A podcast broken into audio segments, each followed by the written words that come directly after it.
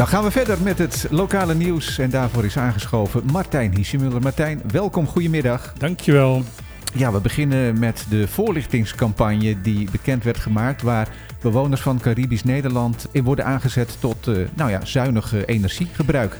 Ja, de achtergrond daarvan is, is van dat uh, minister Ollengren van Binnenlandse Zaken, de baas van uh, Knops, een onderzoek heeft gedaan van wat de verduurzaamheidsmogelijkheden van de BES-eilanden zijn. Uh, daar zijn enquêtes uh, digitaal voor uitgezet en dat is niet heel erg goed gelopen. Want ze hebben heel weinig uh, informatie teruggekregen van bedrijven. Dus het onderzoekbedrijf wil toch iets doen voor zijn geld. Dus die is met drie adviezen gekomen. Nou, kom maar door. Nou, het eerste advies is dat ledlampen gebruikt moeten gaan worden. Dat gloeilampen afgeschaft moeten worden. Ook liever geen spaarlampen, maar dat, ledlampen. Nou, volgens mij... Daar kunnen we wat mee. Daar kunnen we wat mee. Het tweede advies is, er moet minder gedoucht worden. Oh. Dat is erg handig in de tropen. Ja. En punt 3, het gebruik van de airco moet beperkt worden. Nou, dat is ook Dan zou de dus de, de verduurzaamheid van de, van de, de Westeilanden gered zijn. Sorry dat ik even een beetje cynisch klink. Ja, maar, maar ik denk dat je niet de enige bent die, ik ben die, niet die, die hier cynisch op uh, reageert. Nee, de Telegraaf heeft het uh, bericht opgepikt en op social media een beetje zitten kijken van hoe de reacties waren. Een van de reacties is bijvoorbeeld van, ik, zou, ik ben benieuwd of mevrouw Ollengren gaat douchen bij dagelijks 30 plus uh, graden. En of zij in een slaapkamer van 29 graden wil gaan slapen.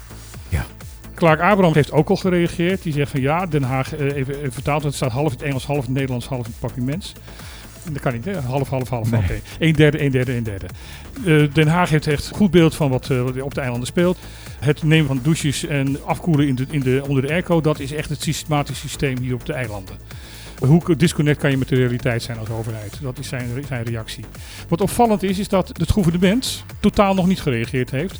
Ik weet dat de correspondent van het Antilliaans Dagblad om commentaar gevraagd heeft. En die heeft nog niks terug op orde gekregen. En die campagne zelf, is die inmiddels dan ook al van start gegaan? Er is een campagne nu opgezet dat er dus uh, alle mogelijke folders uh, uitgegeven gaat worden. Waar uitgelegd wordt van dat je dus die drie dingen moet doen. Ja. En op Saba gaan ze zelfs zover dat ze ledlampen gaan uitdelen, gratis. Nou, dat vind ik dan een mooi initiatief. Ja.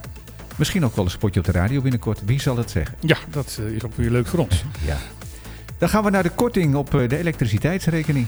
We hebben gisteren al gehad over de elektriciteitsrekening, waar extra korting op komt. En dat wij met 2 miljoen meedoen in de extra premies om de gevolgen van de grote prijsstijging in de energie uh, wat op te vangen. Ja, dat was dat grote pakket van bijna 3 miljard euro. Ja, 2,9 miljard euro, ja. waar wij dan 2 miljoen euro voor, voor krijgen. Er is nu ook bekendgemaakt dat kleine MKB-bedrijven, nou volgens mij staat de K bij MKB voor klein, Mhm. mm -hmm. dus uh, het is alleen... Uh, Val, vallen wij denk ik ook onder? Daar vallen wij dus ook onder. Ja. Daar ook in, in, die, in die korting mee kunnen gaan rekenen, okay. mee, mee, mee, kunnen doen. En dat ze alleen nog aan het kijken zijn hoe ze het precies gaan doen. Want in Nederland wordt er uh, belastingkorting gedaan. Nou wordt hier geen belasting over de energierekeningen ge gegeven. Nee. Dus dat wordt lastig. Dus ze moeten het even op een andere manier gaan regelen. Nou, maar wel goed nieuws dus voor, ja. voor het uh, MKB. Iets anders, naar Sint Eustatius. Ja, Daar uh, gaat de CDA een soort dependance openen, lijkt het wel. Ja, de eerste landelijke partij die een afdeling gaat beginnen in Caribisch Nederland. Ja. En ik ben benieuwd of dat uh, navolging gaat, uh, gaat krijgen. Kijk, dit is natuurlijk een speciaal geval. Koos Sneek, op dit moment onafhankelijk eilandsraadlid met de lijst Sneek.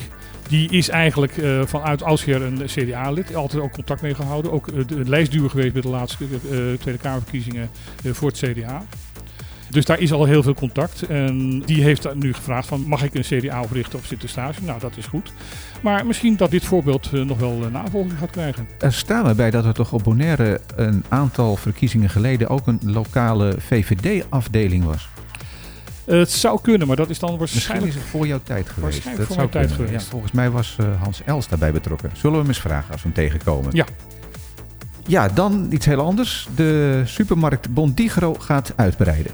Ja, het, de corporatie Bondigro, dat is het. Het is geen commercieel bedrijf, het is een corporatie. Groeit zo snel en heeft zoveel behoefte om zijn assortiment uit te breiden. Om op die manier ook de prijs goedkoop te houden dat zij uh, achter het uh, huidige pand een extra hal gaan neerzetten die even groot is als de huidige. Dus uh, halverwege volgend jaar is de capaciteit van Bondigro verdubbeld. Wordt het daarmee denk je de grootste supermarkt van het eiland? Ze gaat er dicht tegenaan komen, denk ik. Ja. En ze willen ook een assortiment wat nu redelijk beperkt is. Want je kan niet echt alles kopen wat je, wat je zou moeten hebben voor, voor het dagelijks bestaan.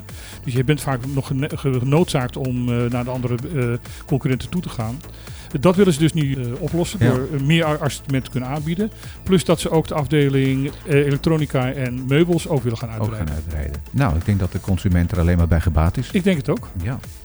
We hebben geen coronacijfers. Iets wat daar toch mee te maken heeft. Een PCR-test als je transitpassagier bent op Curaçao is niet langer nodig. Is niet nodig. Uh, als je naar Curaçao zelf gaat en je blijft er langer dan 24 uur, dan heb je dus die uh, PCR-test wel nodig. Op het moment dat je vanuit, uh, wat heel, bij KLM en natuurlijk heel vaak gebeurt, dat je even moet stoppen in Curaçao, een uurtje moet wachten en dan doorgaan, dan heb je geen PCR-test nodig. Dus die kosten heb je niet extra. Ja, en als je nou met bijvoorbeeld Divi Divi naar Curaçao vliegt en dan met een andere maatschappij doorvliegt, dan dus ook niet, als dat binnen 24 uur gebeurt. Het, het, gaat erom dat je op dezelfde dag doorreist. Ja. Nou, laten we hopen dat dat voorlopig even zo blijft. Maar dat kan natuurlijk anytime weer veranderen. Dat kan elk moment weer veranderen. Ja, dan hebben we nog het weer te goed.